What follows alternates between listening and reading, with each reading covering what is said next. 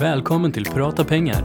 Podden där vi pratar aktier, fonder, sparande, pension och mycket mer. Här kommer Unga Aktiesparares VD Filip Koltze och investeraren Niklas Andersson.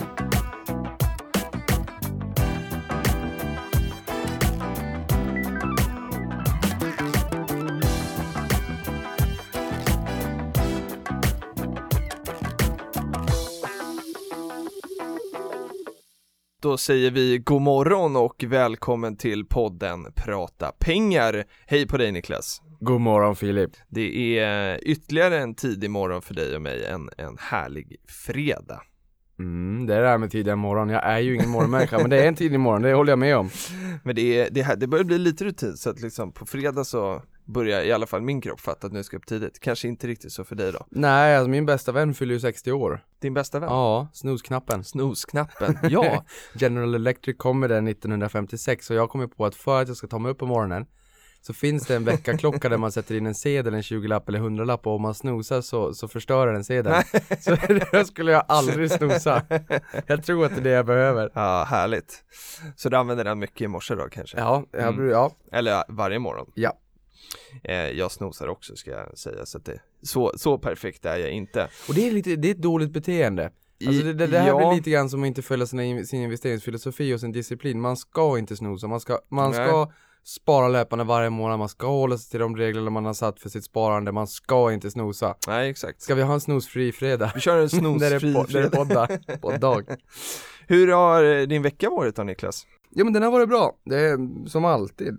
Jag såg att börsen är ner 1,23% sen vi såg sist och det är Oj, precis oj, en oj. vecka sen då. Så det har varit lite, det har varit lite halvturbulent, Ja. turbulent heter det. Är det att Brexit börjar närma sig nu så folk är lite oroliga Ja, kanske? jag vet inte. Det Nej. har inte varit jättemycket stök i marknaden kring Brexit ändå. Nej, nej. Och på det temat har vi bestämt oss faktiskt på jobbet att vi kommer att hålla en makropanel där vi Mm. bjuder in två förvaltare på stan Mm. och sen kommer vi prata kring Brexit-temat. Kul. Eh, Så lyssnar man på det här och har lite frågor och funderingar Mm. eh, hur man själv ska tänka och, och, och eh, ja men om man har ont i magen och vilka frågor man än har Mm. skicka gärna in dem under hashtag prata pengar Mm. för det här är lite Absolut. roligt för då, då kan man eh, De har ju inte facit heller men Nej. de har ju en annan insyn så att Ja. Jag gick faktiskt in eh, på, för att jag är med i en annan podd också som heter Aktiespanarna. Ja, Då så pratade vi lite Brexit igår och då gick jag faktiskt in och läste på lite grann. Och hos din förra arbetsgivare Mm. SEB, de hade faktiskt sammanställt ganska bra tyckte jag. Nu är det deras åsikter så Mm. att man får väl ta allt med en nypa salt.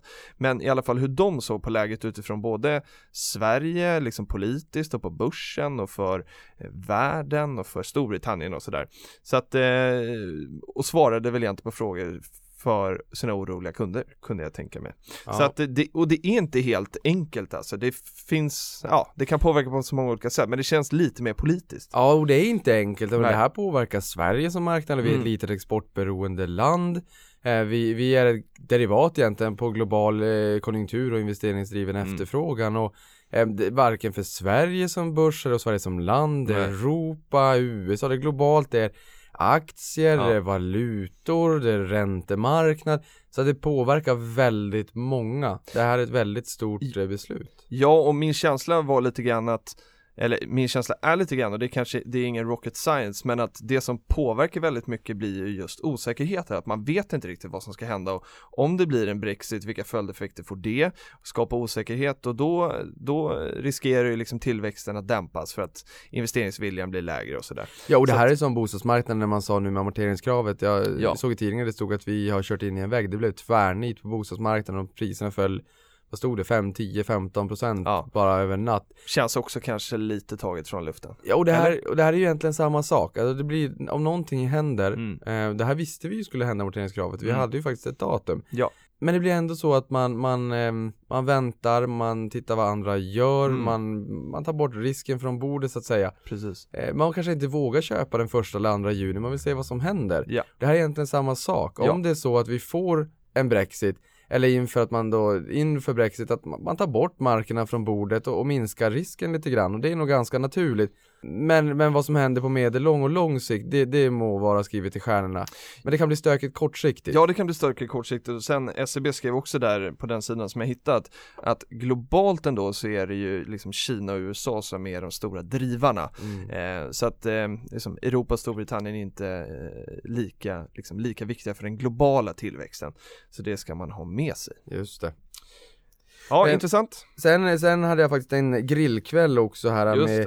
Några vansianer och då fick jag en gåva. Mhm. Ehm, där vi grillade hemma hos mig på berget, vi, på Lidingö, ut mot Värtan, det är jättefin utsikt där och ehm, då, när de, när de kom så fick jag en present och då var det lite godis och sen så var det ett eh, litet kuvert med där det stod ett investeringstips till investeraren.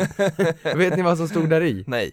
Det stod ehm, Gör det rätta, stödköp Cloetta, Micke och Vendra. Det, Vad det, var, trevligt. ja, det tyckte jag var jättekul. De tyckte alltså inte att det var något tydligt köpcase utan man behövde stödköpa alltså. Nej, våran börsveckan tyckte ju att eh, Cloetta passar bättre på fredagsmys än i portföljen och jag, Ah, okej. jag håller inte med. Nej, okej. Den ska vara där i portföljen. Ja, jag har den också i Ja. portföljen, tycker den är trevlig. Och sist men inte minst så var det en, en tjej på Twitter som pratade om sin sagolika farmor.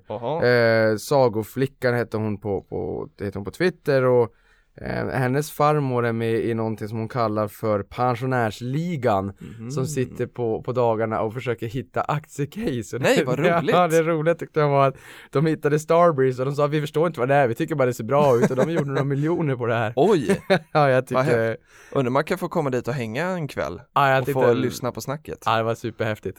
Roligt. Jag har också haft en eh, bra vecka i, eh, för en vecka sedan så, imorgon då lördag, förra helgen, så hade vi avslutning med eh, Ung Privatekonomi och deras informatörer.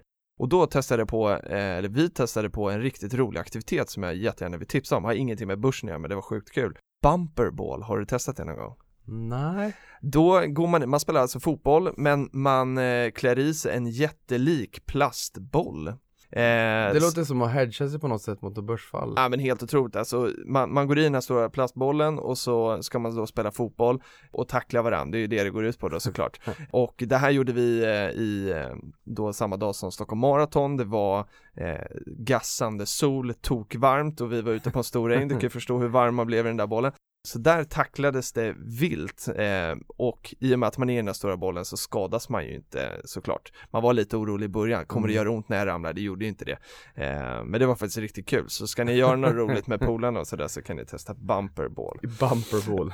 Och apropå UP det är nämligen så, vi pratar om privatekonomi lite nu och då eh, Fantastiskt initiativ som, som vi är med och eh, driver som utbildar gymnasieelever i privatekonomi och informatörerna då som är ute och föreläser på skolorna eh, kör då det var de vi hade avslutning för, så de jobbar ju under ett läsår då för skolan. Och nu har jag en eh, efterlysning eller en uppmaning här. För vi behöver informatörer i Norrland. Vi har ju öronmärkta pengar från Finansinspektionen för att eh, bedriva den här verksamheten i Norrland eh, och nu, jag tittar på dig för att du kommer där uppifrån så du får hjälpa mig i den här shoutouten på något sätt. Vi behöver eh, i alla fall en informatör till eh, som är beredd att åka ut och föreläsa för gymnasieungdomar i Ja, Norrland är ju jättestort, men säg så här då, från Kiruna Gävle och uppåt Ja. Någonstans, på, och då erbjuder vi liksom Det kan vara på deltid 25%, 50%, 75% eller 100% Lite beroende på och man behöver inte kunna supermycket om aktier och sparande utan eh, det lär vi ut här. Så känner man bara att man tycker att det här vore riktigt kul att komma med i det här roliga gänget, vara ute och föreläsa, så hör av dig till oss. Gå in på ungprivatekonomi.se och hör av dig så snabbt som möjligt. Norrlänningar, ring! Norrlänningar ring, ja men det, och det ska jag också säga att det största innehavet hos eh, Avanza i Boden, där jag kommer från i Norrbotten, är Northland Resources. Så, Ah, eh, det, det behövs. det kanske Nej. behövs lite diversifiering i de norrländska portföljerna. Ja, och sen är ju Norrland är ju stort, men det är ju förmodligen ett väldigt roligt och givande jobb, för man får ju mycket feedback tillbaka när man är ute och föreläser och många nyfikna intresserade som vill lära sig mer och kommer och frågar och funderar så att man, det, och det är på så sätt man också lär sig så att det här är nog en, en rätt rolig erfarenhet man ska prova på om man känner sig lite sugen. Ja, och jag känner det, det, det som jag saknar att jag inte har gjort hittills i mitt liv eh, är att ha varit informatör för en privatekonomi. För att man får liksom lära sig hela bredden i hela privatekonomin. Vi pratar inte bara aktier utan det är lån och liksom alla delar av privatekonomin. Och också det att få komma ut och vi driver devisen att det är unga som pratar till unga så att man får komma ut och liksom snacka med sin målgrupp på sitt sätt eh, om någonting som, eh, som är så viktigt som privatekonomi. Men då vet jag, om det är så att du ångrar att du inte har gjort det, då har jag en plan på vad vi kan göra. Oh, spännande. Ja, vi kan göra så att vi gör ett studiebesök i Ung Privatekonomi och försöker oss på den galna idén att hålla ett föredrag själv. Ah, Eh, någonstans i Sverige, någon gång under året. kan vi göra. Och sen så får man eh, hashtagga in under prata pengar och tipsa om vart vi ska komma en lördag och prata om privatekonomi. Och kanske lite aktier och börs också. Det vore Men då får vi ju inte kanske komma på en skola, för det får, Ah. får inte riktigt vara aktier sådär. Men alldeles oavsett, någonstans Ja, i Sverige får vi aktier åka. med, men det, skolan vill ju gärna att det är oberoende så Ja. att det ska inte kosta någonting och allt som ung privatekonomi är ju kostnadsfritt. Då får vi stå på Eh. torget i Östervåla istället, för då kan vi hyra oss en liten kvadratmeter Det kan vi i Det centrum. kan vi göra. Men jag tänker då så här, vi har ju 20 000 i veckan ungefär som, som eh, lyssnar på den här podden och någon måste, antingen är det någon av dem, våra lyssnare, eller så är det någon som känner någon som känner någon och då har vi ju ett jättespektrum här av personer som skulle kunna komma hit och hjälpa oss i det här eh, uppdraget att få Sverige fatta mer om privatekonomi. Norrland, han eller hon kommer. Ja, bra! Eh, är det något mer vi vill säga ja. från veckan? Ja, Ja, jag har varit på Spiltans årsstämma. just det! Ja. Eh, Det är tradition, eh, Tra- tradition. nationaldagen. nationaldagen, ja tradition, jag var där de senaste fyra åren kom jag fram till. ja men det börjar ju bli en tradition. Ja men det är det. Ja. Eh, och på Spiltan har ju årsstämma nationaldagen varje år. Kring 11-12 fram till, till lite framåt eftermiddagen. Eh, sen har man en, en trevlig kväll på kvällen och sen så får man tänka på att det finns en morgondag också även fast man är ledig på nationaldagen då. Just det. Eh, och det här var jättekul för Ja. det, förra året så kom ju PHB eller Per och Börje som då utridandes på en kamel. Ja, just det. Och den här Det är gången lite cirkusstämning. Eh. Ja, och de har ju cirkus alltid då i, i anslutning till det här och Mm. efter då och sen går ju slantarna som intäkterna från cirkusen går ju till, tror att det är eh, inte Rädda Barnen, det är nog Barncancerfonden tror jag att det är. Ja, okej. Eh, men i det här, i år då så kom han ut i en bur. Och i den där bu- bur? Ja, buren var tom. Okej. Och sen så satte man över ett skynke och så vim, i, simsalabim och så drog de bort det där och så där i Det var lite galet. Och det var mycket trolleritrick. Det var Ja, även ett sånt här trick när, när man tog, man kom ut med en ehm, eh, transparent glaskub eh, skulle man Mm. väl kunna säga i plexiglas. Och där i, den var tom. Mm. Och, och sen sa han att ja, det här typ, vad ska man säga, den här storyn som man har hört tidigare några gånger att om Warren Buffett, världens mest kända investerare och Bill Gates, grundaren av Microsoft, skulle gå på gatan och se en 100 dollar sedel Exakt. så skulle det inte vara värt för, för Bill Gates att ta upp den där. Just det. Eh, men, men däremot så menar han Warren Buffett, han skulle ha tagit upp den där och sen så hade han gömt en sedel då på scenen och sa Åh, här hittade jag en, en sedel. Ja, tog han upp den där, stoppade in det i den här glaskuben, upp på med en, med en liten eh, filt, ett skynke och så simsalabim och så drog han bort det så var det alldeles knä, knäckfullt eller det var eh, proppfullt med pengar där i. Aha. Och han menar det här är ränta på ränta. så det var mycket trolleritrick och galenskap. Men, men nog med det. Ja. Sen eh, var det väldigt många faktiskt måste jag säga som kom fram och pratade om prata pengar. ja, vad kul. Jättekul. Sen vi hade bland annat Alexander från Unga Aktiesparare Borås. Mm. Som en annan kille som hade gjort samma resa eh, till eh, Omaha, Nebraska, eh, Warren Buffetts bolagsstämma i Berkshire Hathaway från Los Angeles till, New- Mm. till New York Ja. med förra året. Men inte som åkte med dig utan? Nej, utan okej. han gjorde det i år då. Och Aha. hade på sig den här t-shirten också då från f- 2016. Ja, vad Och roligt. sa att "Nej, men det där var riktigt roligt, jag gjorde samma resa, jag sa du är galen. eh, men han, eh, han tog det i etapper, Okej. vilket är mycket bättre än att Mm. bara Sträckköra. sträckköra. Vi var ju fem personer och körde dygnet runt och Mm. 500 mil.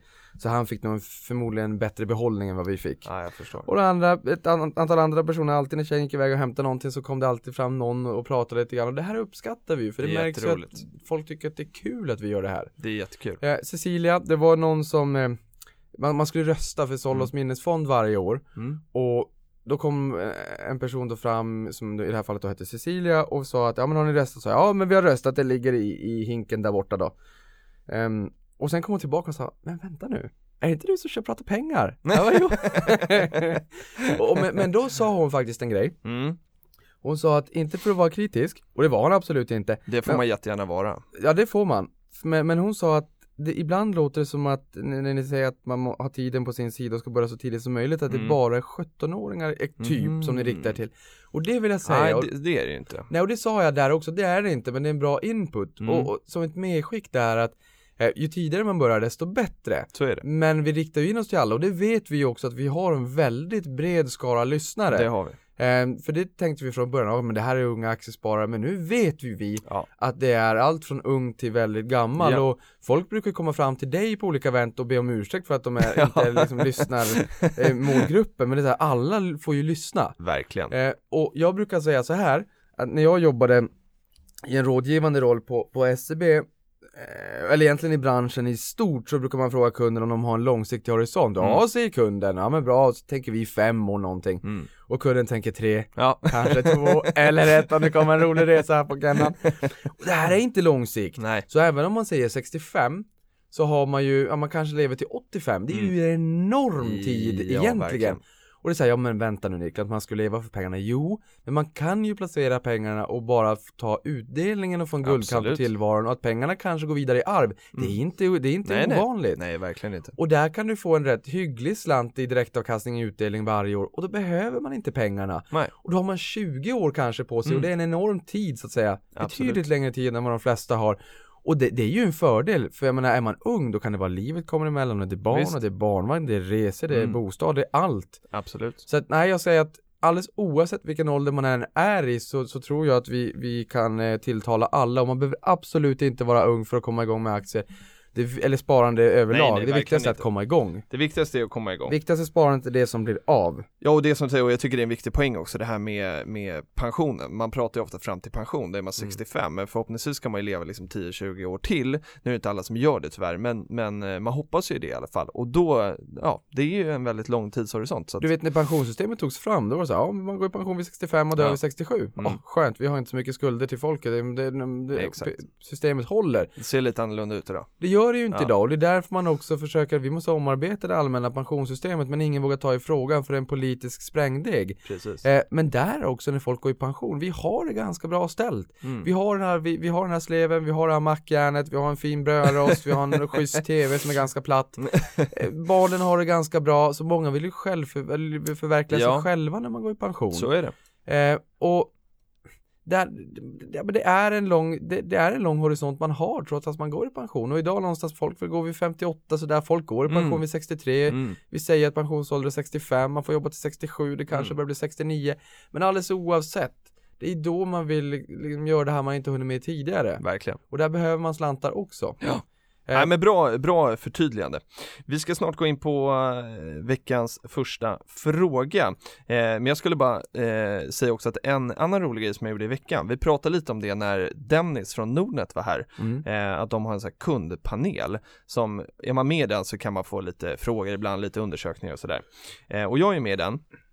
Eh, Och i veckan då så blev jag eh, inbjuden nu till, eh, till kontoret för att testa en, eh, en prototyp på, på en ny sida till det som förmodas kanske var den, den nya webben. Nu sa jag han att det kommer nog inte bli någon big bang med en ny webb men att, att ja, man jobbar i iteration så att det liksom ska växa fram över tid. Och då fick jag se en av de här nya sidorna och testa det och ge feedback på det. Och för, för mig eller för oss som är sparnördar och tycker det här är jättekul och tycker att våra nätmäklare är liksom det är vårt hem, det är där vi loggar in eh, hundra gånger per dag så är det jättekul att få vara med och liksom påverka hur det ska se ut eh, framåt. Och det såg väldigt spännande ut. Ja, jag älskar min nätmäklare. Jag skulle kunna gifta mig med en. Det skulle vara lite jobbigt när man blir äldre om man har tatuerat in namnet, men, men ja, Ja, kanske under foten. Ja, nej, men nej, det är man lite får inte gå på den. Nej, det ska, nej, Nej, det ska man inte nej, göra faktiskt. Och det, ja, och ja, vi gillar ju dem. Vi, du är aktieägare i Avanza och jag i Nordnet och Mm. ja, men det är kul att leva med de här. Ja, ja men det är liksom, det är genuint, vi älskar dem. Och det blir ju, det, det är ju konstigt på något sätt för så här var det inte förr i tiden men vi ser Nej. dem väl kanske inte som kunder, företag utan snarare partners, Ja, nå- någon form av bollplank framåt för att kunna förvalta sina slantar för båda, båda de här aktörerna är väldigt duktiga på att lyssna på sina kunder. så är det. Och det är det som är kul då, där liksom i, när man i praktiken också får, får liksom vara med och, och liksom ge feedback och liksom, det är inte bara något man säger utan man faktiskt gör det. Ja, och det här är, och det är, det är en sparrevolution. Så är det. Och, och spararna som, som har alla idéer på vad man vill ha för att fortsätta framåt. De här aktörerna lyssnar på det och utvecklar tjänsterna därefter. Mm. Det är ganska unikt. Det är det verkligen. Bankbranschen har varit ganska tråkig i 150 år och aldrig lyssnat på en kund och det finns massor sådana här idéplank som man kan skicka in idéer och de kan tas upp efter 5-10 år sen så dör de ut och blir ingenting. Nej. Det är en känga till banksektorn, så ser det inte ut i de här nya, eh, om vi får kalla oss fintechbolag, vi är ganska gamla vi också. Jo, Eh, Så är det. Avanza Nordnet är ju inte purunga men, men det Och är en revolution som sker ja, faktiskt. så är det. Eh, Kul! Sist men inte minst, Ja, hade vi en grej till? Niklas, sparnörd på Spiltan, han pratade Ja. jag med också. Mm. Och då skulle det vara så, jag skulle, jag, jag och tjejen skulle på en butik Mm. Eh, Hon skulle handla någonting och, och, och det här var väldigt viktigt, vi var tvungna att gå för att hinna i tid. Mm. Eh, men då stötte jag ju på marknadschefen på, på Spiltan då, Niklas. Och, och vi spånade iväg på varför småländska bolag över tid överpresterar börsen Mm. eh, och ska göra någon form av take eller blogginlägg eller någonting på det där. Och, och, och vi spånade iväg och snackade en massa aktier att bolagen borde ha stämmorna där de hålls, alltså Cloetta i, i Linköping och, och, och, och sådär. Så vi pratade jättemycket aktier vilket innebar att ja, vi missade att åka till butiken så att jag hamnade ju på shitlisten denna, denna dagen. Men roligt var det! Så jag vill, jag vill passa på att tacka Niklas på Spiltan, de är, det är riktiga aktienördar, jag älskar det. Det är jättekul. För, för de är ju alltså med från, från Spiltan Fonder, är ju med ja. på Spiltans årsstämma varje år. Ja, okej, okej. Så kan man fråga lite om fonderna och sådär. Jo. Kul! Eh, då går vi in på eh, dagens första fråga och nu äntligen ska vi besvara Kikkis fråga. Ja. Eh, hon hade mejlat till dig va? ja, hon skrev på Facebook. På Facebook kan Jag vill bara säga, Facebook har ju 1,6 miljarder aktiva användare på månadsbasis. Mm. Det är rätt häftigt och nu ger de sig in i den här Nej Twitch. men Dennis sa ju att det var per dag, en miljard per dag eller något. Kommer inte ihåg det, det, ja, jo, jag kommer ihåg att han sa Ja. någonting, vi sa det, och det är, jag vet att det är den per månad. Det Ah, kan okej. till och med vara så att det är, som Dennis sa, att det är någon ytterligare extrem siffra per dag. Den har jag Mhm. inte koll på. Ah, ja. Dennis bättre koll på. Ja. Eh, men men ehm, de ger sig också in i Twitch, alltså för att kunna filma när man spelar. Mm. Vilket är en lite spännande nisch. Ja, men, Men det är en jag- parentes. Det är en parentes. Men, eh, och Kiki skrev ju ett eh, jättelångt brev eller inlägg till, till dig och som jag har försökt liksom sammanfatta lite grann eh, så att vi liksom besvarar frågan. Eh, hon hade en fråga om direktavkastning och så skrev hon så här att jag antar att man räknar ut detta genom att ta utdelningen man får eh, genom det man köpt sina aktier för. Eh, sk- vi kan börja med att besvara den. Mm. Eh, har hon rätt eller fel här Kiki? Ja, det, det man kan säga. För det här är inte en helt enkel fråga. För, eh, så här, man kan ju säga att om du får 3 kronor i direktavkastning från eh, ett bolag eh, eller 3 kronor i utdelning, Utdelning, förlåt. Nu rör jag också till det. 3 kronor i utdelning och så har du köpt den här aktien för 100 kronor. Ja, då Mm. är det ju 3% Mm. som du får i direktavkastning. Mm. Men sen är frågan, ska man mäta direktavkastning på vad jag köpte den här aktien för eller vad aktien är värd idag? Den kanske är värd 150 kronor idag och då är det ju inte 3% längre Nej, på vad den är värd idag. på vad den är värd idag. Och där kan man också säga att vi, vi, vi reder ut begreppen här lite grann utdelning och direktavkastning för våra lyssnare som kanske inte har lyssnat på våra eh, avsnitt tidigare. Man behöver repetition. Ja, eh, ett bolag tjänar pengar Mm. allt som oftast. Det är faktiskt så att jag fem sekunder senare tar tillbaka det jag precis sa. Alla För det är många börsbolag som pengar. inte tjänar pengar. Eh, vi har ju ett verktyg på Aktiespararen som heter Hitta kursvinnare Ja. där kan man eh, sortera olika bolag och av runt 660 bolag så är det drygt hälften som tjänar pengar. Varför i all sin dar köper man ett bolag som inte tjänar pengar kan man då tänka sig. Mm. Jo, det kan exempelvis vara forskningsbolag som forskar på att ta fram ett nytt preparat, kanske ett eh, läkemedel mot cancer. Och där tycker man att vi investerar i det här, det finns god potential och, och nå en, en, en kommersialisering och ett eh, genombrott och gör vi det så är det en enorm uppsida. Så att man, eh, eller att det är nya bolag som eh, inte tjänar pengar ännu men där lönsamheten är på upptakt men det Just. kostar mycket pengar i början. Så det finns olika anledningar till varför inte bolag tjänar pengar men där man ändå vill vara aktieägare för man Mm. tycker att potentialen är Mm. stor. Visst. Men vi säger ett lite mer tråkigt bolag. Jag tar Axfood som exempel. Urtråkigt bolag, urbra bolag. För tråkiga bolag behöver inte vara tråkiga aktier. Nej, Ska så också nämnas. Axfood är en dagligvaruhandel som är mer känt som eh, Willys, Hemköp och Prisextra. Just det. Och Om de tjänar 100 kronor om året Mm. så kommer de att säga att ja, men vi behöver 50 kronor, säger vi, för att vidare förädla verksamheten, kanske Mm. öppna några nya butiker och det gör lite det ena och lite det andra, investeringar i IT-system och sådär.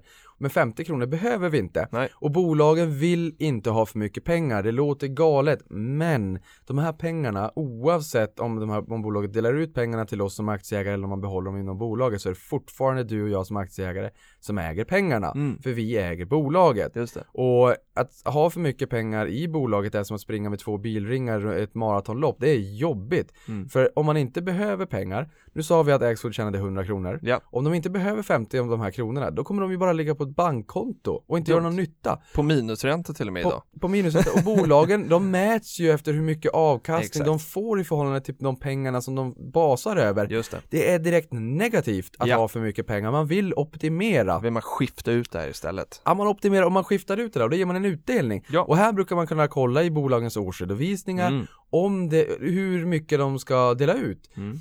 Eh, så om ni är nyfiken på ett bolag och säger Investor, Mm. skriv på Google Investor följt av Investor Relations, kommer ni in på deras investerarrelationer, trycker på årsredovisningar, öppnar den senaste, så finns det allt som oftast något som heter eh, finansiella mål. Mm. Och i de finansiella målen så brukar en av dem vara eh, hur mycket man ska dela ut. Det. Och det är alltså eh, en kvot. Mm. Eh, Vi säger att man ska dela ut 50% eller 60% Vissa säger årligen, vissa säger över en konjunkturcykel Så det är lite olika Mm. Men i det här fallet säger vi att X får dela ut 50% och jag vet faktiskt inte Av vad de delar ut då? Av vinsten varje år Mm. Jag tror säkert att det är mer i Axfoods fall eh, Och de här 50 kronorna eh, man- De tjänade 100 kronor, de delar ut 50, de delar alltså ut hälften Ja. Om Axfood handlas till 100 kronor Mm. och Ja det blir ju lite fel i och för sig om de ska dela ut 50 kronor Axfood kostar 100 Nej, men- kronor ja. aktien, det. säger vi Ja. Och sen delar de ut 5 kronor Mm.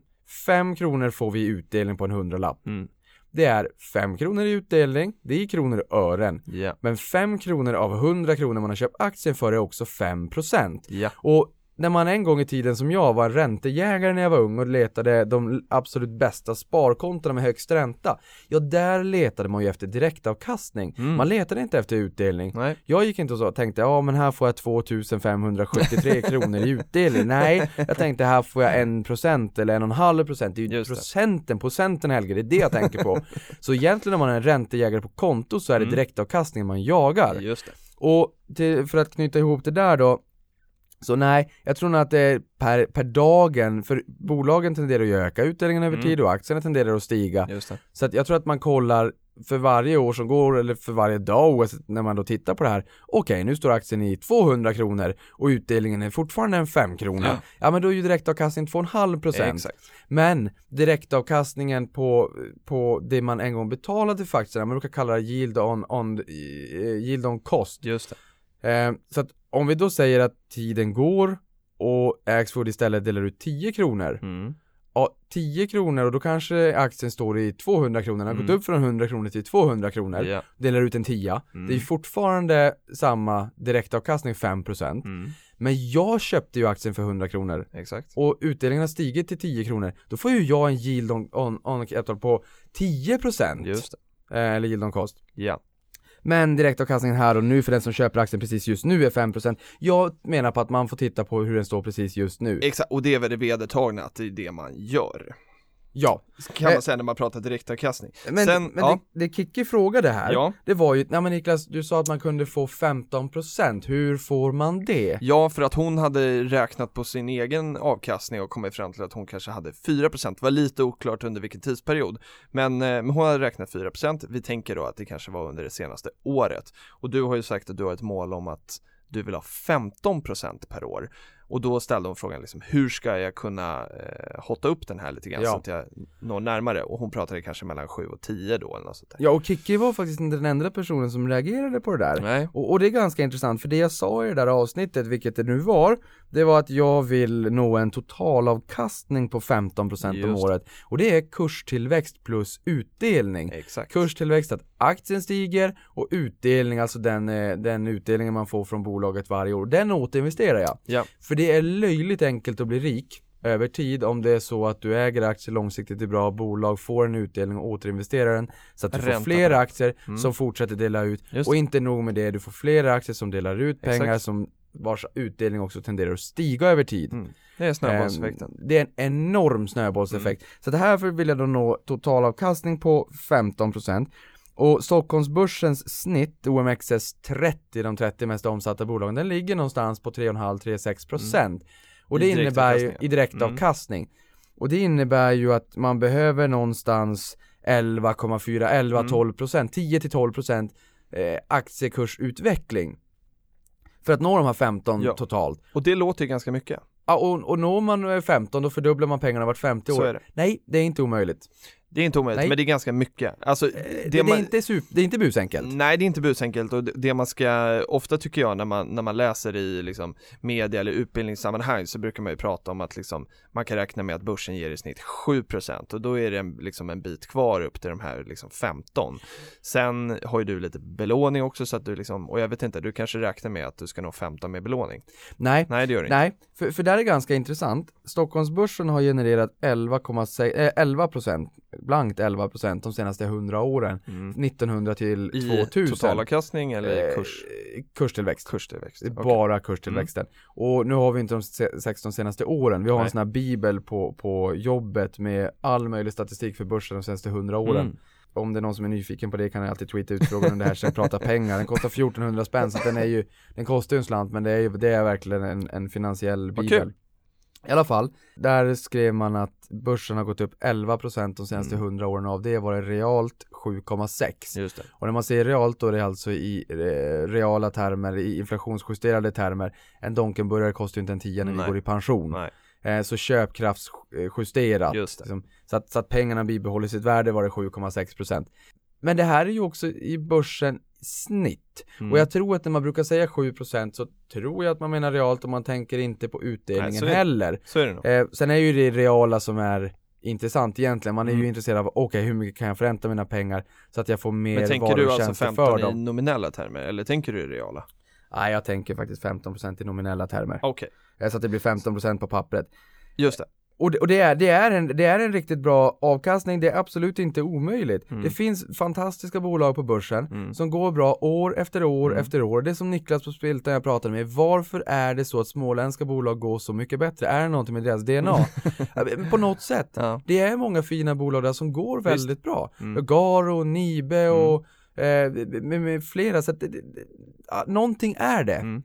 Eh, men i alla fall, kapa de bolagen på börsen som inte levererar. mm. Vars affärsmodell man inte tror på, Mm. som har jobbigt med lönsamheten, som inte riktigt ligger rätt i tiden och inte riktigt kan sätta priser på sina egna produkter. Eh, så får man en rätt hygglig avkastning ändå. Mm. Och här har man inte räknat med att återinvestera utdelningen heller. Nej precis, nej och den ger ju en extra effekt såklart Och sen räknar man inte med om man sparar lite extra när börsen också dippar. Just det, Nu ska jag vara tyst, men, men, det, men det är liksom, det ger en otrolig skjuts Ja. avkastningsmässigt. bra Om man är lite om sig och kring sig. Men Kiki, det är alltså 15% totalavkastning, det är, ax- det är kurstillväxt på aktierna plus utdelning, återinvestera dem gärna. Du har fått runt 4% står, så har du skrivit här. Det är bra, det är över börssnitt. Vill man tilta en portfölj, det är bara mot direktavkastning, det är det enda man bryr sig om, Mm. så bör man kunna få en 5-7% eh, utan större bekymmer. Över Ja. 7% så börjar man måste plocka på sig lite mera risk. Just det. Bra. Eh, vi kommer eh, väva in eh, lite förlängning på den frågan alldeles strax. Men vi hoppar vidare till en fråga från Hampus. Och Hampus hade lite, jag har klumpat ihop hans fråga lite också. Han undrade lite över vilken typ av depå han ska köpa. Han säger att han har Eh, haft 50 000, eller han har 50 000 kronor i fonder hos Handelsbanken som både han själv och, eh, har sparat till men också hans föräldrar. Eh, och sen så säger han då att han inte öppnat en depå hos Avanza så att man kan tänka sig att det är där han vill eh, öppna en depå. Eh, Såklart. låter klokt, ja. Eh, och då är han lite kluven säger han här för att han vet inte riktigt om han ska öppna ett ISK eller en aktie och fonddepå eller konto eller vad man nu vill kalla det. Har vi några tips här? För det han säger sen då är att hans tanke är också att han ska starta med 15 till 20 000 kronor och sen ska han börja flytta över från de här 50 som han har på Handelsbanken i takt med att han, liksom, att han lär sig. Han är 21 år gammal, har fast jobb med inkomst på 14 till 15 000 kronor efter skatt. Mm. Och det här är intressant. Mm. Det, det första jag vill säga bara, det är på, på tidigare Kickes fråga där, Mhm. Aktiespararnas eh, böcker, för de har rätt mycket utbildningsmaterial och skriver Ja. mycket böcker, det har ju ett förlag där, de skriver 15% som mål i deras litteratur. Ja, de gör det, okej. Eh, Det gör de. Mm. Så det, det är inte omöjligt. inte en, av den, en av böckerna jag tänker på är Hitta kursvinnare, den är bra. Och är skriven av Anders Haskell som Just också skrivit Så kan du bli grymt rik på aktier. Mm. De två är väldigt bra. Mm. Så att, men Bra, nu till tips. Hampus. Nu till Hampus. Vad säger vi om, eh, om depåerna här? Det, är- det är en ständigt återkommande fråga. Eh, nu jämför ju Hampus då ISK med det som vi kallar aktiefondkonto eller aktiefonddepå. Och det enkla svaret är ju att eh, ISK eller kapitalförsäkring som vi också brukar prata om är schablonbeskattade. Det är Mm. inte aktiefonddepån. Eh, de schablonbeskattade depåerna i liksom Eh, vi ska inte gå ner för djupt för det har vi gjort i liksom tidigare avsnitt. Men det enkla svaret är att de är schablonbeskattade och det om, om man ska köpa aktier så ska man ha en förväntad avkastning som överstiger den här statslåneräntan som ligger till grund för skatten. Mm. Plus det här golvet nu som eh, politikerna har eh, lagt på. Ja, är det, några, är det några politiker som lyssnar på det här skäms på er? så man kan säga så här, om man, om man köper aktier så bör man ha förväntad avkastning som överstiger, vad är det, 1,4 1,4 1,4 procent i år. i år. Det här justeras ju varje år. Mm. Det kan man läsa mer om på Skatteverket och sådär. Då, då bör man ju ha ett schablonbeskattat skal och det är då investeringssparkonto Mm. eller kapitalförsäkring. Eh, men Filip, Ja, våra lyssnare kommer somna innan de har läst det där på Skatteverket, så vi bränner av den snabbt. Ja väldigt snabbt då. För vi Väldigt har några frågor till. Väldigt snabbt, Ja, väldigt okej. snabbt. Ja, Hampus, 50 000 i fonder hos Handelsbanken, byt till aktier. Jag har förstått att du är intresserad av aktier och det är buskul. Det här kommer vara ett fantastiskt... fast han är, ju, han, är, han är ju smart här också som vill lära sig lite först och känna sig bekväm. Det, Ja, det tycker ska- jag är bra. det ska det han ska göra. kännas bra i magen. Han ska börja Ja. sakta men säkert och, och eh, man börja och smått, Mm. gör misstag, lär dig Mm. av misstagen och känn dig framåt. Yes. Men som jag har förstått, du kommer att tycka att det här med aktier är betydligt roligare än fonder. Men dina föräldrar har varit klok, de har sparat in 50 000 kronor åt dig och du har gjort lite egna insättningar. yes. Öppnade på Avanza, kluven, vilket sorts konto. Är det så att man äger aktier långsiktigt så är det investeringssparkonto eller kapitalförsäkring som gäller. Mm. Eh, skillnaden dem emellan är att kapitalförsäkringen kom från försäkringsbranschen för att smita lite grann från förmögenhetsbeskattning och, en gång i tiden. Eh, ISK kom från banksektorn Ja. första januari 2012. De är ganska snarlika. Mm. Och som Filip sa, det är schablonskattade konton och det innebär att man tittar inte på vinsten som den, varje enskild person gör varje år.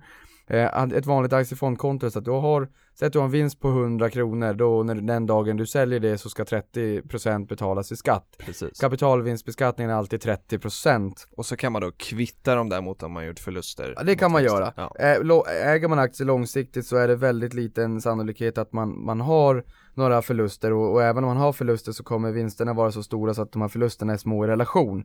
Mm. Men det går att kvitta. Ja. Hans egen tanke är att starta med 15-20 tusen. Jag skulle säga så här, det enklaste är öppna investeringssparkonto. Mm. Eh, båda på nätmäklarna, båda är avgiftsfria. ISK har en fördel att man får gå på stämman också för Just man är det. skriven direkt som ägare. Mm. Eh, öppna en ISK, börja köpa lite aktier, aktiespararna säger någonstans 10 till 15 innehav, köp på det lite grann över tid, köp inte allt i ett och samma svep, Nej. köp någon aktie, känna av lite grann, Ök- Se vad som händer. och och köp in det så att du har den här bredden på Just 10-15 bolag, sen kan Mm. du öka i varje bolag. Ehm, så att du kan sälja av fonderna lite pö om pö Mm. och investera då i, i, ISK i, i, i aktier. Han är 21 år gammal och fast jobb med en inkomst som vi sa där.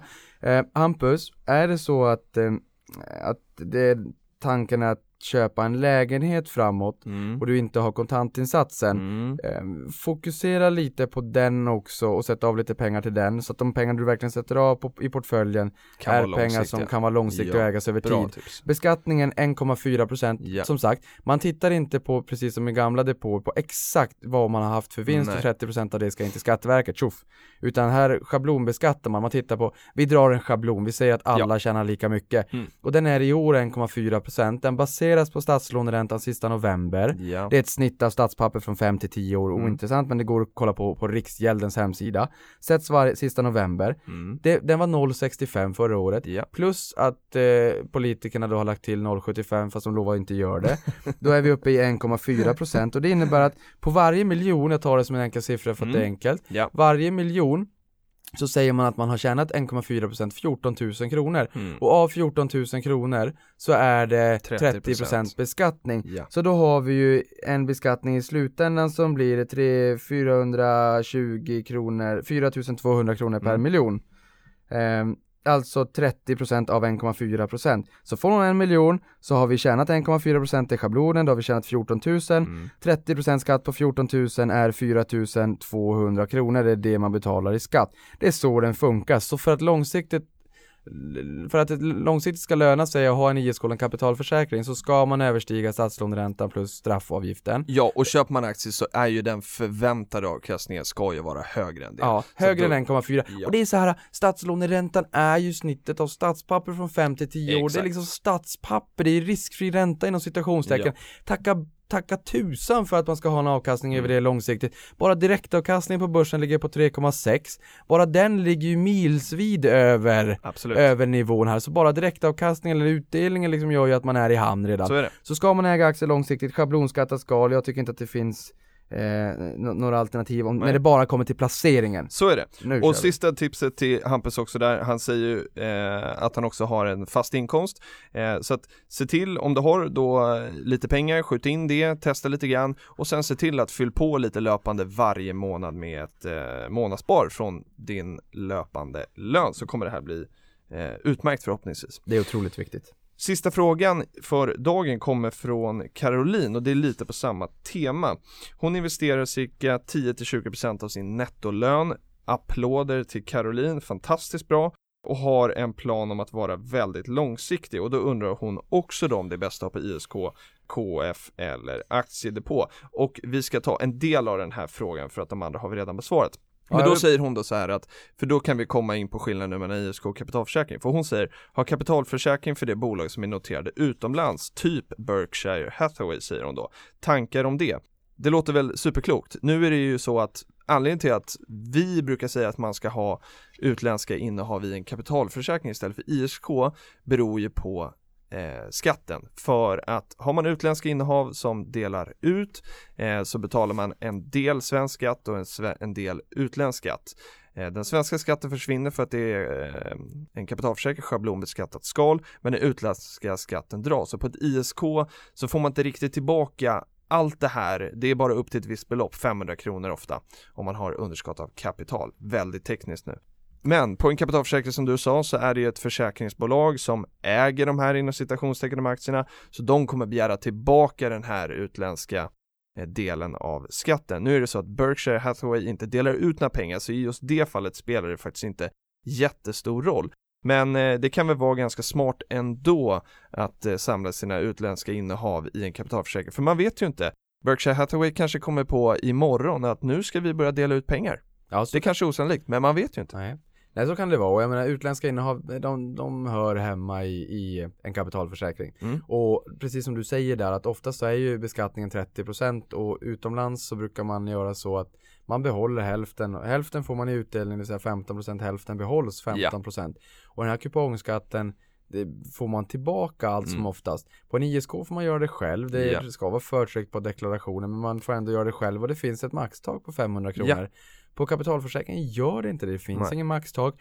Det är försäkringsbolaget som äger den här och man har en fordran på aktierna. Mm. Eh, och det innebär att de också hjälper till att jämka tillbaka de här. Man skulle kunna säga att år ett, det, det är då det, det, man får utdelningen, år två jämkas det, år tre får man tillbaka. Så Just det tar ett tag. Det tar ett tag. Men Men, sen kommer man in i den där snurran Ja. liksom, så att, Så då får man ett löpande flöde hela tiden och, och det finns inget maxtak. Så att utländska aktier, jag understryker det, utländska aktier hör hemma i en kapitalförsäkring och de Mm. är kostnadsfria hos nätmäklarna. Ja, inte hos alla banker men hos nätmäklare är de det så kolla upp det. Om, Sen- om storbankerna har en avgift på 0,65, Mm. fly snabbt som tusan. Det är en otroligt ful avgift. Och man skulle kunna Ja, säga så här. eh, kapital över tid. Eh, Avanza marknadsför sin pension som en miljon mer i pension. Mm. Det och där är det bara räknat Ja, det på bygger på den. 0,65. Ja, Okej. Eh, räkna inte med då att deras entrélösningar är betydligt dyrare. Det är mångmiljonbelopp det Mm. handlar om. Så en liten, liten avgift på 0,65 blir ohyggliga summor pengar över tid. Mm. Det är ränta i ränteeffekten fast åt fel håll Kolla. Sparlabbet om ni har den i mobilen, om ni Just har en iPhone. 3, Okej. kan man räkna av det där eh, avgiften. Ja, 3% extra fördubbla kapitalet på 27 år.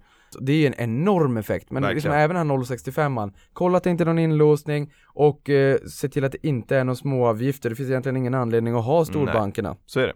Till, eh, till just det. Sista delen av frågan som Caroline ställde handlade om vid ett långsiktigt tänk är det då smartare att satsa på bolag med relativt hög utdelning som jag tror på givetvis, säger hon.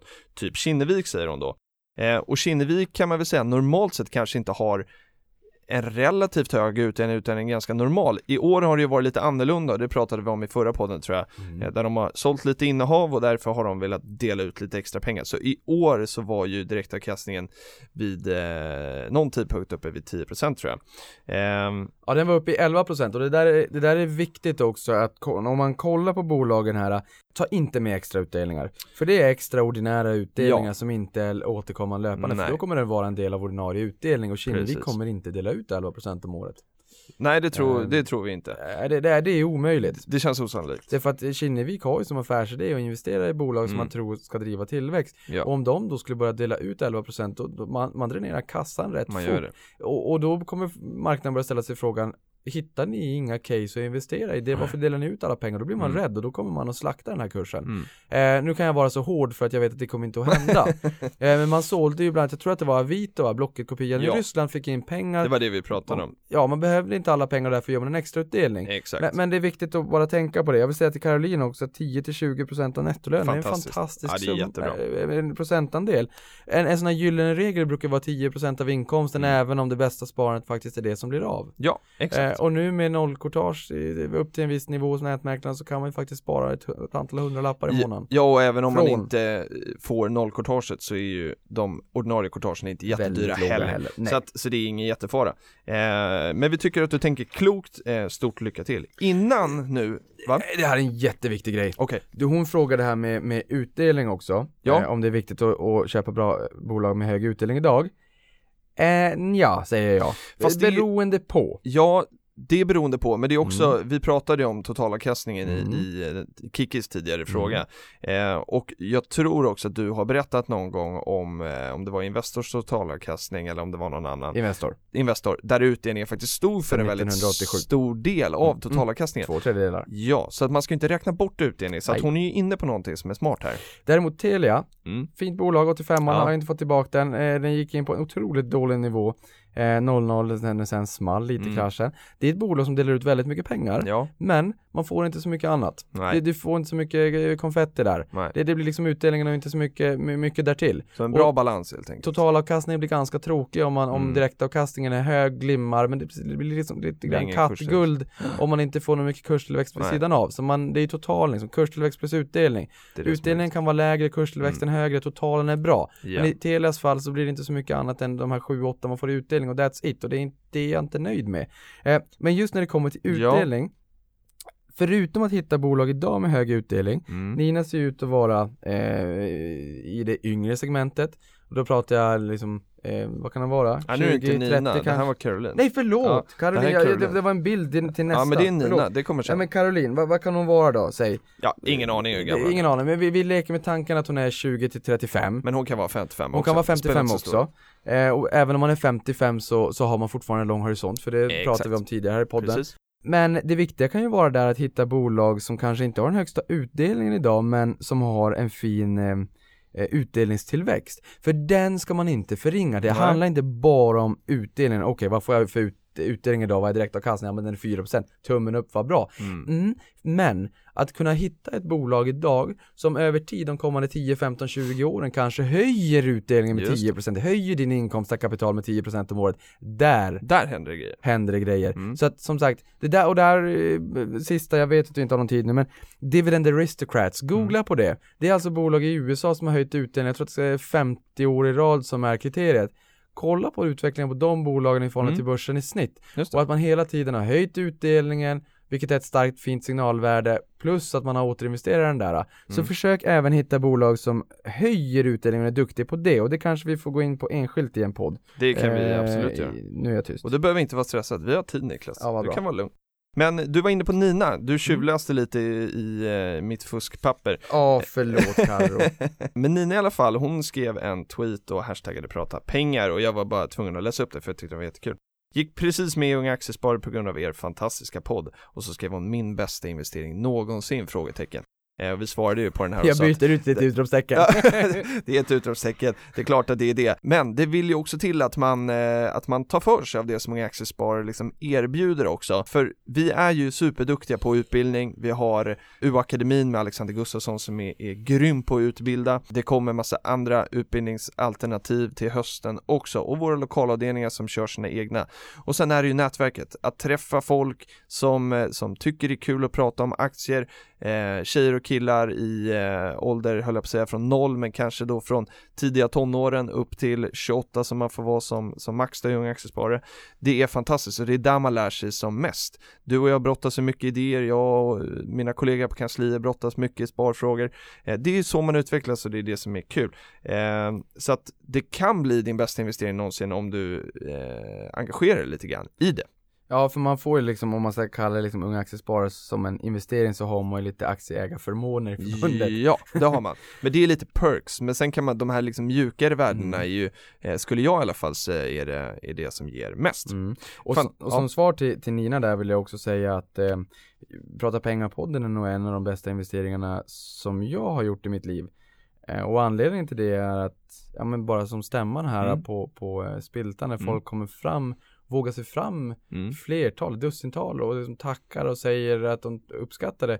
Det, det. Även när jag går på stan i Stockholm så stannar folk mig Mm. på, på gatan och säger Fan Niklas, jag är inte från att prata pengar. Och det är som, då, blir man, då blir man varm i hjärtat. Ja, det är fint. då är det någonting vi gör och inspirerar och motiverar att det faktiskt går hem och att folk lär sig. Ja, För det är som ni säger när vi är utomlands, vi lär oss att städa och laga mat i skolan men Visst. inte spara pengar och det är liksom Exakt. folk kliar sig i skallen och säger Mm. ja, ehm, hur går det ihop? tänker ni? Nej, hur går det ihop? Och, och, och det här är på något sätt fantastiskt kul att vi faktiskt har fått förmånen. Det hade kunnat vara två andra personer, eh, säkerligen. Absolut. Det finns många som kan säkert mer än oss också i det här förbundet.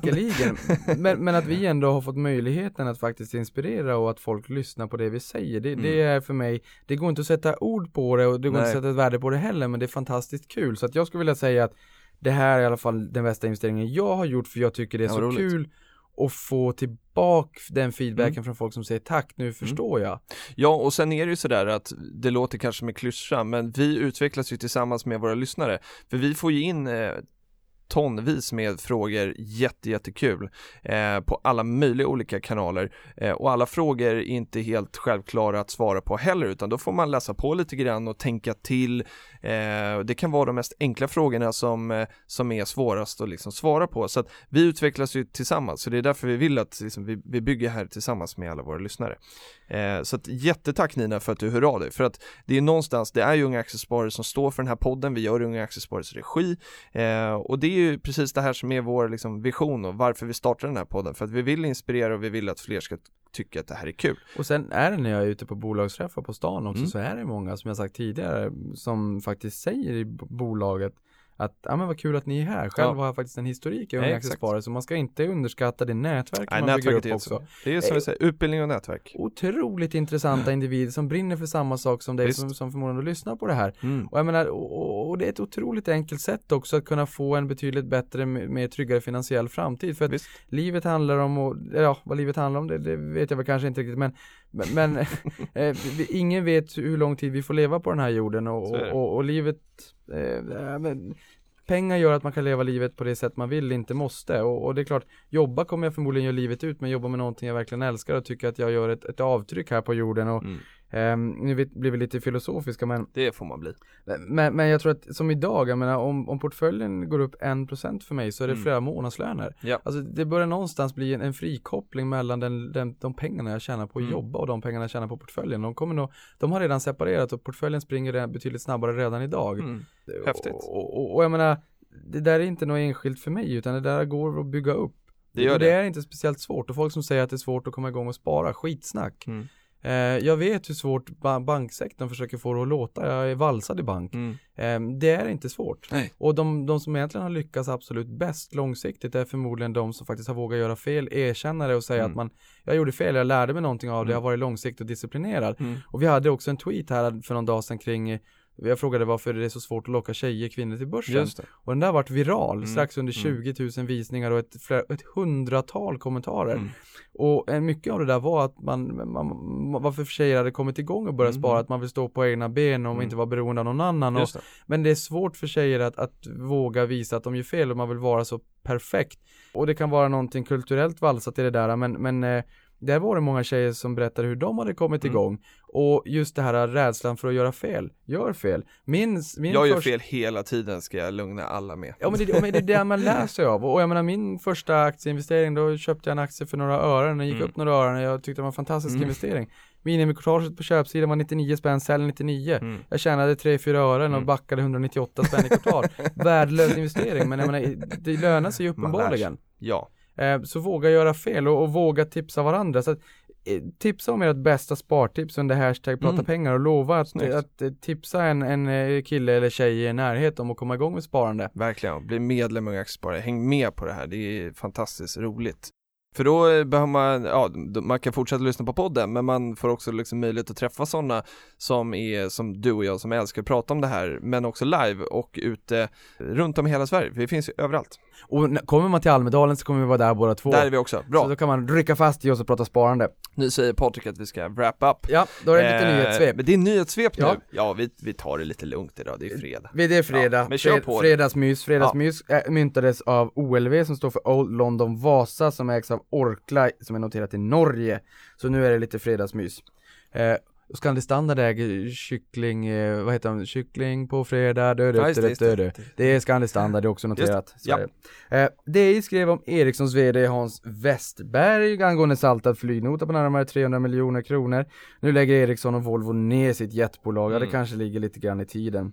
Eh, Det är inte så jobbigt att flyga ekonomi heller. Jag landade bredvid en MC-knutte en gång och tänkte usch han såg lite livsfarlig ut men jag kunde inte hålla mig, ni vet hur jag är. Så jag började prata eh, Harley Davidson för han hade en sån t-shirt på sig. Ah, ja. För Harley Davidson har varit en fruktansvärt fin investering historiskt. Ja. De har ju en lojal kundgrupp också, Mm. sen kanske det är så att den kundgruppen är på tippen 50-60 och jag vet inte om dagens ungdomar 18-20 som har 50 år av konsumtion av varumärket på sig älskar det lika mycket. Mm. Det där är en risk som bolag brottas med. Mm, Men det. i alla fall, jag började prata med honom så att till alla vd där ute, man kan också flyga ekonomi för det finns väldigt roliga diskussioner, man kan alltid prata börs Bra, på det var något sätt. faktiskt en kul grej. Kul. Ja, omröstning i Storbritannien om Brexit den 23 Ja. juni.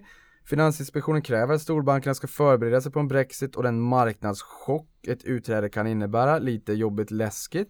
Vi Mm. kommer på mitt jobb Avanza så kommer vi att sätta ihop en panel som jag och Per Ståhl på Placera som är Mm. som fondskribent. Vi kommer att eh, man, eh, man arrangerar det här tillsammans med två förvaltare på stan som Just det. kommer. Mest troligt från Handelsbanken och Enter Fonder, mest troligt. Och där kommer vi just prata om det här med Brexit och hur man ska tänka och försöka eh, koka ner det till liksom hur ska, hur ska gemene man, du och jag tänka? Mm. Behöver vi ha ont i magen eller inte på lång, medellång, eller kort, medellång det. och lång sikt? Det är ganska intressant, det är mycket mastigt i affärspress om, om Brexit, men precis som du sa, SEB har skrivit ihop lite grann till sina Mm. kunder. Det är ganska vettigt att fundera, hur påverkar det mig? Det Ja, kommer. och sen också sådär med, vi tjatar om våra gyllene regler, men någonstans är det så här, är man långsiktig, regelbunden och liksom sprider sina risker, så även i de eh, möjligtvis tuffaste ti- tiderna så ska man kunna sitta hyfsat lugnt. Ja, och är det så att det smäller ner, då köper jag hellre mer än säljer av i panik, för jag gillar att köpa billigt och sälja Ja. dyrt. Bra. Eh, sockerpriset har fått högt blodsocker på högsta nivån på två år. Sockerpriset har faktiskt gått upp ganska mycket. Jag vet inte hur stevia och andra sötningsmedel, hur Nej. de är prissatta. Men är det så att, nu är det högsta nivån på två år, det där fluktuerar ju upp och ner, men skulle det över tid göra ett, ett tillgångslag, en råvara som sticker jättemycket, Mm. då kan man se att det finns eh, och kommer väldigt många olika komplement. Vi har ett Arhus Karlshamn som jobbar med, med specialfetter som är lite komplement till, till kakao med, fler, med mera. Eh, 80% av alla transaktioner globalt sker via kontanter och USA spenderar 1600 miljarder på kontanthantering per Mm. år. Tror vi att det finns en eh, marknad för Loomis? Frågetecken. Den minskar i Sverige Sve- men inte globalt. Ja, Sverige är väl eh, det minst kontanttäta landet i världen, ha, tror jag att jag har läst någon gång. Alltså åk till Tyskland eller USA, det är jobbigt om man inte har kontanter. Sydafrika är bättre än både Tyskland Just och USA. Mm. Eh, eh, 1600 miljarder det är också det värdet som, eh, som Tencent har i Kina, Mm. IT-undret och det leder mig ner på nästa då. Kinesiska IT-undret Tencent med ett marknadsvärde på 1600 miljarder köpte 5% av spelförläggaren utvecklaren Paradox Mm. inför notering Och vet du vad det roliga var? Nej. Det sa de på Spiltans stämma, det var att då flög eh, Paradox ledning flög till Kina och träffade Tencent, alltså det är en gigant, det är Google Det i är Kina gigant. och det är inte bara Google, det är Google, Amazon och allting, Mm, de är mm. enorma där borta. De flög över till Kina och pratade med dem och de ville också slå sig in i Asien. Mm. Sen så kom det en delegation från Tencent till Stockholm, Mhm. till Söder där Paradox sitter och pratade med dem och sen så kom de fram till att ja, vi vill investera, vi vill ha 5% av bolaget, var på bolaget och säger okej, då skickar ni in en, en blankett till Avanza. de bara what? Vad, vad, vad, vad, vad är det här för någonting? De bara nej men det där funkar i Sverige, vi, vi, måste, vi måste köra på så vis.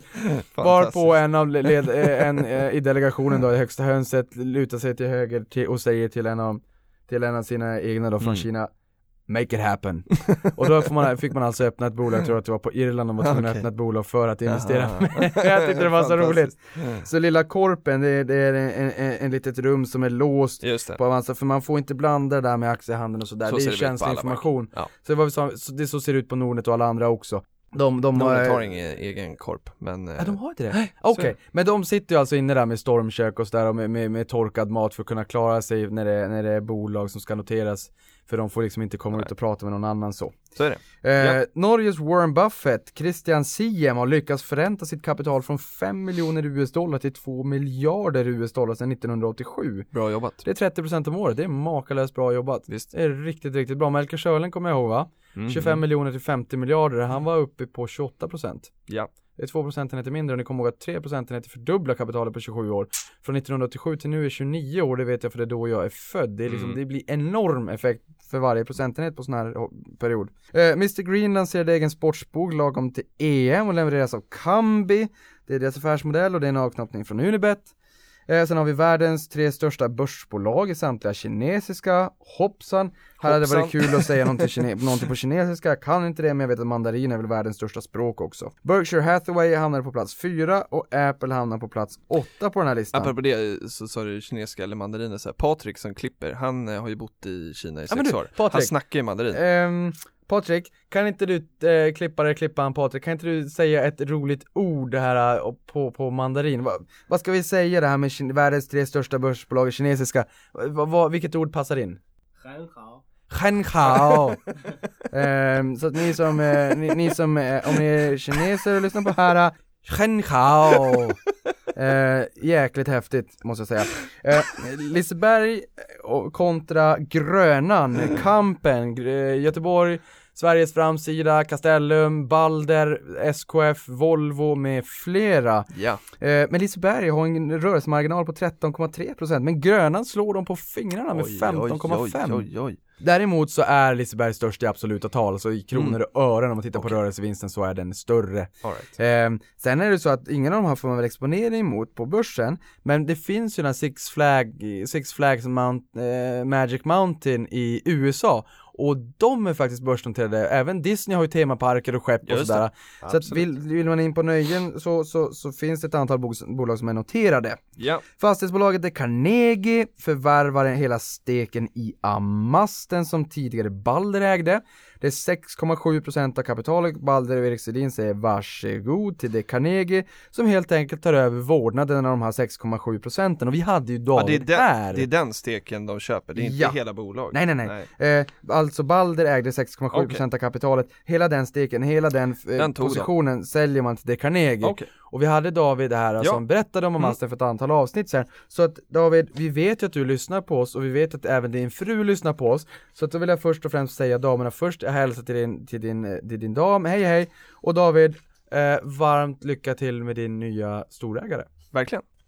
Sen har vi eh, Börselvan, hashtag Ja. Börselvan med e-börselvan.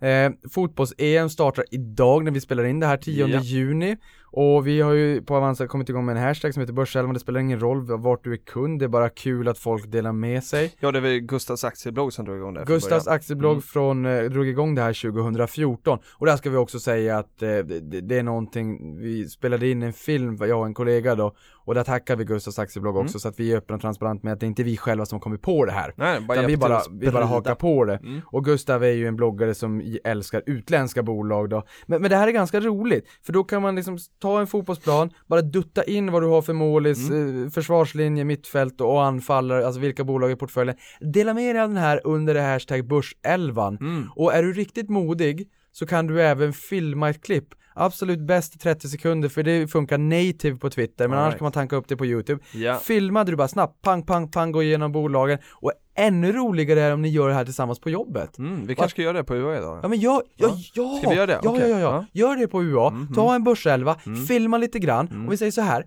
ni som filmar det här, Mm. jag kommer, så länge det är rumsrent och städat, lägga upp det här på Avanzas kanaler och sprida det. Kul! Så att det blir lite roligt. Då gör vi det då Patrik. Åh Ja. vad kul! Hemköp lanserar egen e-handel efter sommaren. Vi har ju Linas matkasse, vi har Mathem, Mathem är ju ett embryo från det är först, från första början, sen har vi Mat.se, det är Santa Maria-familjen som har lite intressen där. Mm. E-handel växer väldigt snabbt och det är klart att det är ju en väldigt liten del, det är en, en och en halv procent av totala omsättning på stora dagligvarugiganterna ICA, Ja. Axfood. Så att det är, det kan växa mycket för att det är väldigt försvinnande liten del, en brödsmula av ett stort eh, eh, brödpaket. Mm. Men, men tillväxten i sektorn var 39% 2015 och beräknas bli 38% 2016. Det är ganska Mm, häftigt. Det är mycket. Global konsumtion är 400 000 miljarder, det är 57% av BNP, eh, bara som en liten kuriosa siffra. Sen kan vi säga att senaste 10 årens sämsta sommaraktier enligt Mm. Dagens Industri är SSAB, Electrolux, JM, Sandvik, Lundin Mining och SKF. De har stigit 2 till 3 av 10 somrar, alltså 20 till 30 procent eh, av de tio senaste åren och i snitt har de eh, gått minus 5% om man drar ett snitt då på det här. Och det är konjunkturkänsliga bolag, på sommaren så går, så, så går omsättningen lite grann i marknaden och negativa nyheter brukar få ett, ett lite större genomslag. Det, det är i alla fall hur det ser ut historiskt. Ja, intressant. De 10 bästa Mm. eller inte de tio bästa, de, tio, de bästa de senaste tio åren Mm. under sommaren har varit Axfood, Swedish Match och Tele2. Så De har stigit 7 av 10 somrar med i snitt 3% alltså eh, siffror som vi har fått från Dagens Industri. Sen är världens största IPO är nu ett faktum, världens största IPO 2016. Det är Dong Energy som noterades i eh, Köpenhamn och är den största noteringen mig veterligen någonsin i Köpenhamn. De steg tvåsiffrigt under börspremiären. Det är ett energibolag där momentum är för, mot förnyelsebar energi. Är, man, man har inte bara förnyelsebar energi idag, men nyinvesteringarna och framåt så är det förnyelsebart som Okej. är fokus. Ja. Auktionshuset Lauritz som skulle börsnoteras sköt upp det här ungefär en timme innan notering, man skjuter upp det till 22 juni och sänker priset. Det här är starkt negativt signalvärde, S- eh, skippa den här. Eh, det, det här är, det är otroligt negativt. Jag skulle inte våga försöka notera mitt bolag igen så nära in på med, där man också skyllde har- tekniska problem från Nasdaq, där Nasdaq går ut och säger nej nej nej, Mm. vi har inte haft tekniska Okej. problem. Det här är inte bra. Okej. Eh, även aktiespararna var ute i morse och sa vi är oroliga. Mm. Och det sa man för att det var många i aktiespararna som hade tecknat sig för det här. Eh, jag tror att det var någon i mitt Twitterflöde som sa att det är kanske bättre att man auktionerar ut det på sin egen sida istället. Kanske göra så istället. Det, det, här, det, här, är, det, det här, det här är en flopp. Det här är starkt negativt. Om ni har funderat på att och, eh, teckna den här, läs en, en omgång till. Jag får lite vibbar kring Candy King. När det liksom Ja, brann i den, ett lager och man tyckte att ja, men det var inte så viktigt. Mm. Sen så droppar man det där någon dag innan Mm. börsnoteringen hela ställdes in och sen så vart det bara en flopp. Mm. Jag säger inte Läs att så på. är fallet, Nej, läs på läs en på. gång till. Var noga Mm. med Lauritz. Väldigt noga. 100-åringen Marabou som ägs av Mondelez har vunnit en tvist mot M&M som ägs av världens största godisbolag Mars. Så att nu kommer M&M, om man inte överklagar vinner, så kommer de att behöva lämna Mhm. Sverige. Vilket innebär att då, om Alltså det någon- inga M&M's i butik? Nej, Nähä. om någon tycker om de här så får man helt enkelt skicka med beställningsorder om någon kompis åker utomlands då med, med andra ord. Intressant. Eh, och sist men inte minst aktietjejerna, det var den här virala tweeten då som handlade om tjejer på börsen. Och eh, då skrev de med inspiration då från, från investerarna här, så har en aktietjej skrivit hur hon kom igång och börja investera i aktier. Så in på aktietjejerna på Instagram och, och läs den, för jag tycker att det är så talande. Mm. Eh, det är sån där story som är bra. Man Mm. är inte en liksom, rymdforskare och jobbar inte på NASA för att komma igång med sparande. Nej, nej. Det är det här, komma igång sakteligen, jag gå på lite miner, göra lite fel och sen backa tillbaka, blicka tillbaka. För jag för ett år på börsen stod det. Eh, blicka tillbaka liksom att ja, men jag började med noll och nu har jag liksom ändå byggt Mm. ihop en liten slant och det går bra. Vissa går bättre, vissa går sämre, kanske inte har slagit börsen, kanske har slagit börsen. Det är viktigt att man kommer igång och att man lär sig över tid. Ehm, eh, ja. Kloka slutord. Eh, dela gärna med er under hashtag prata Ja. pengar vad som fick er att börja spara. Mm. Eh, Vi tar Ja. det som eh, ja, en gör det. uppmaning. Kul! Som sagt till alla, skriv hur ni kom igång med ert sparande under hashtag prata pengar. Vi säger så. Ja, jag också. Jag känner mig också ganska klar. Until next time. Ha en eh, trevlig eh, ja, helg då. Vi hoppas att ni har haft en trevlig helg när ni lyssnar på det här och så önskar vi en trevlig vecka. Detsamma, det gott. avkastning på er får väl även säga sol på er. Hej, Ha det hej. gott, hej!